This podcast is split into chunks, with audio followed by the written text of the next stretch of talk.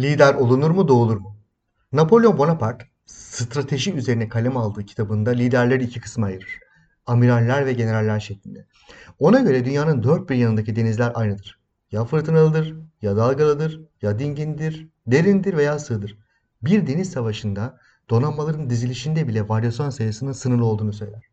Akşam olduğunda donanmanızı herhangi bir koya demirler, siz ve askerleriniz bir çatının altında uyursunuz. Napolyon'a göre başarılı bir amiral olmak için denizcilik biliminde gerekli tüm bilgiye sahip olmanız ve bu bilgiyi yıllar içerisinde farklı durumlarda kazanacağınız çok sayıda tecrübeyle desteklemeniz yeterlidir.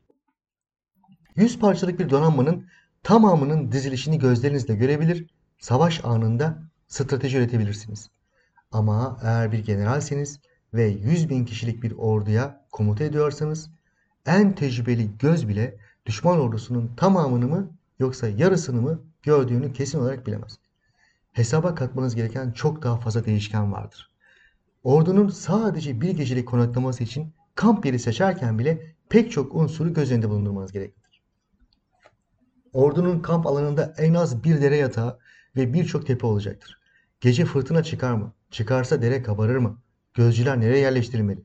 Birliklerin kamp dizilişi arazinin özelliklerine göre nasıl olmalı? Baskına uğrama riskini en aza indiren arazi koşulları neresi? Kamp ateşi nerelerden görülecek? Bunun gibi. Bunlar sadece bir gecelik kamp alanının tespitindeki zorluklardır ki bir de savaş denilen karmaşa ortamında generalin alması gereken anlık kararlar da vardır. Ve o karmaşa anında zafer generalin zamanında aldığı ve almadığı kararların zincirleme etki tepkilerinden oluşan binlerce değişkenli bir denklemin sonucudur. Bu nedenle Napolyon general olmak için bilgi ve tecrübenin tek başına yeterli olmadığını, sezgisel karar verme yeteneğinin yanı sıra olaylar gelişirken her bir sahneyi doğru okuma becerisinin de en üst seviyede olması gerektiğini söyler. Bunun için de durmaksızın zihnin yeni bakış açılarıyla beslenmesi gerekir. Kendisi de bir karacı olması nedeniyle denizciler ve karacılar arasında tarafsız olmasını zaten beklemesek de Napolyon'un liderlikle ilgili tanımında dikkat çeken bir düşünce vardır. Liderlik, beceri, bilgi ve bilgeliğin aritmetik bir armonisi gibidir. Liderlik, beceri ve tecrübesine sahip olmanız sizi iyi bir lider yapmaz.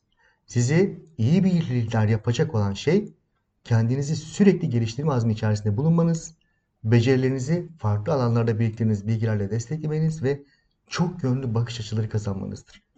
Bunlar duygusal zekanız ile birleştiğinde ise dümendeki beyaz saçlı bilgi kaptan olursunuz. Yani iyi bir lider olmanın başlangıç noktası süresiz bir gelişim yolculuğu içerisinde bulunduğunuzu asla unutmamanızdır.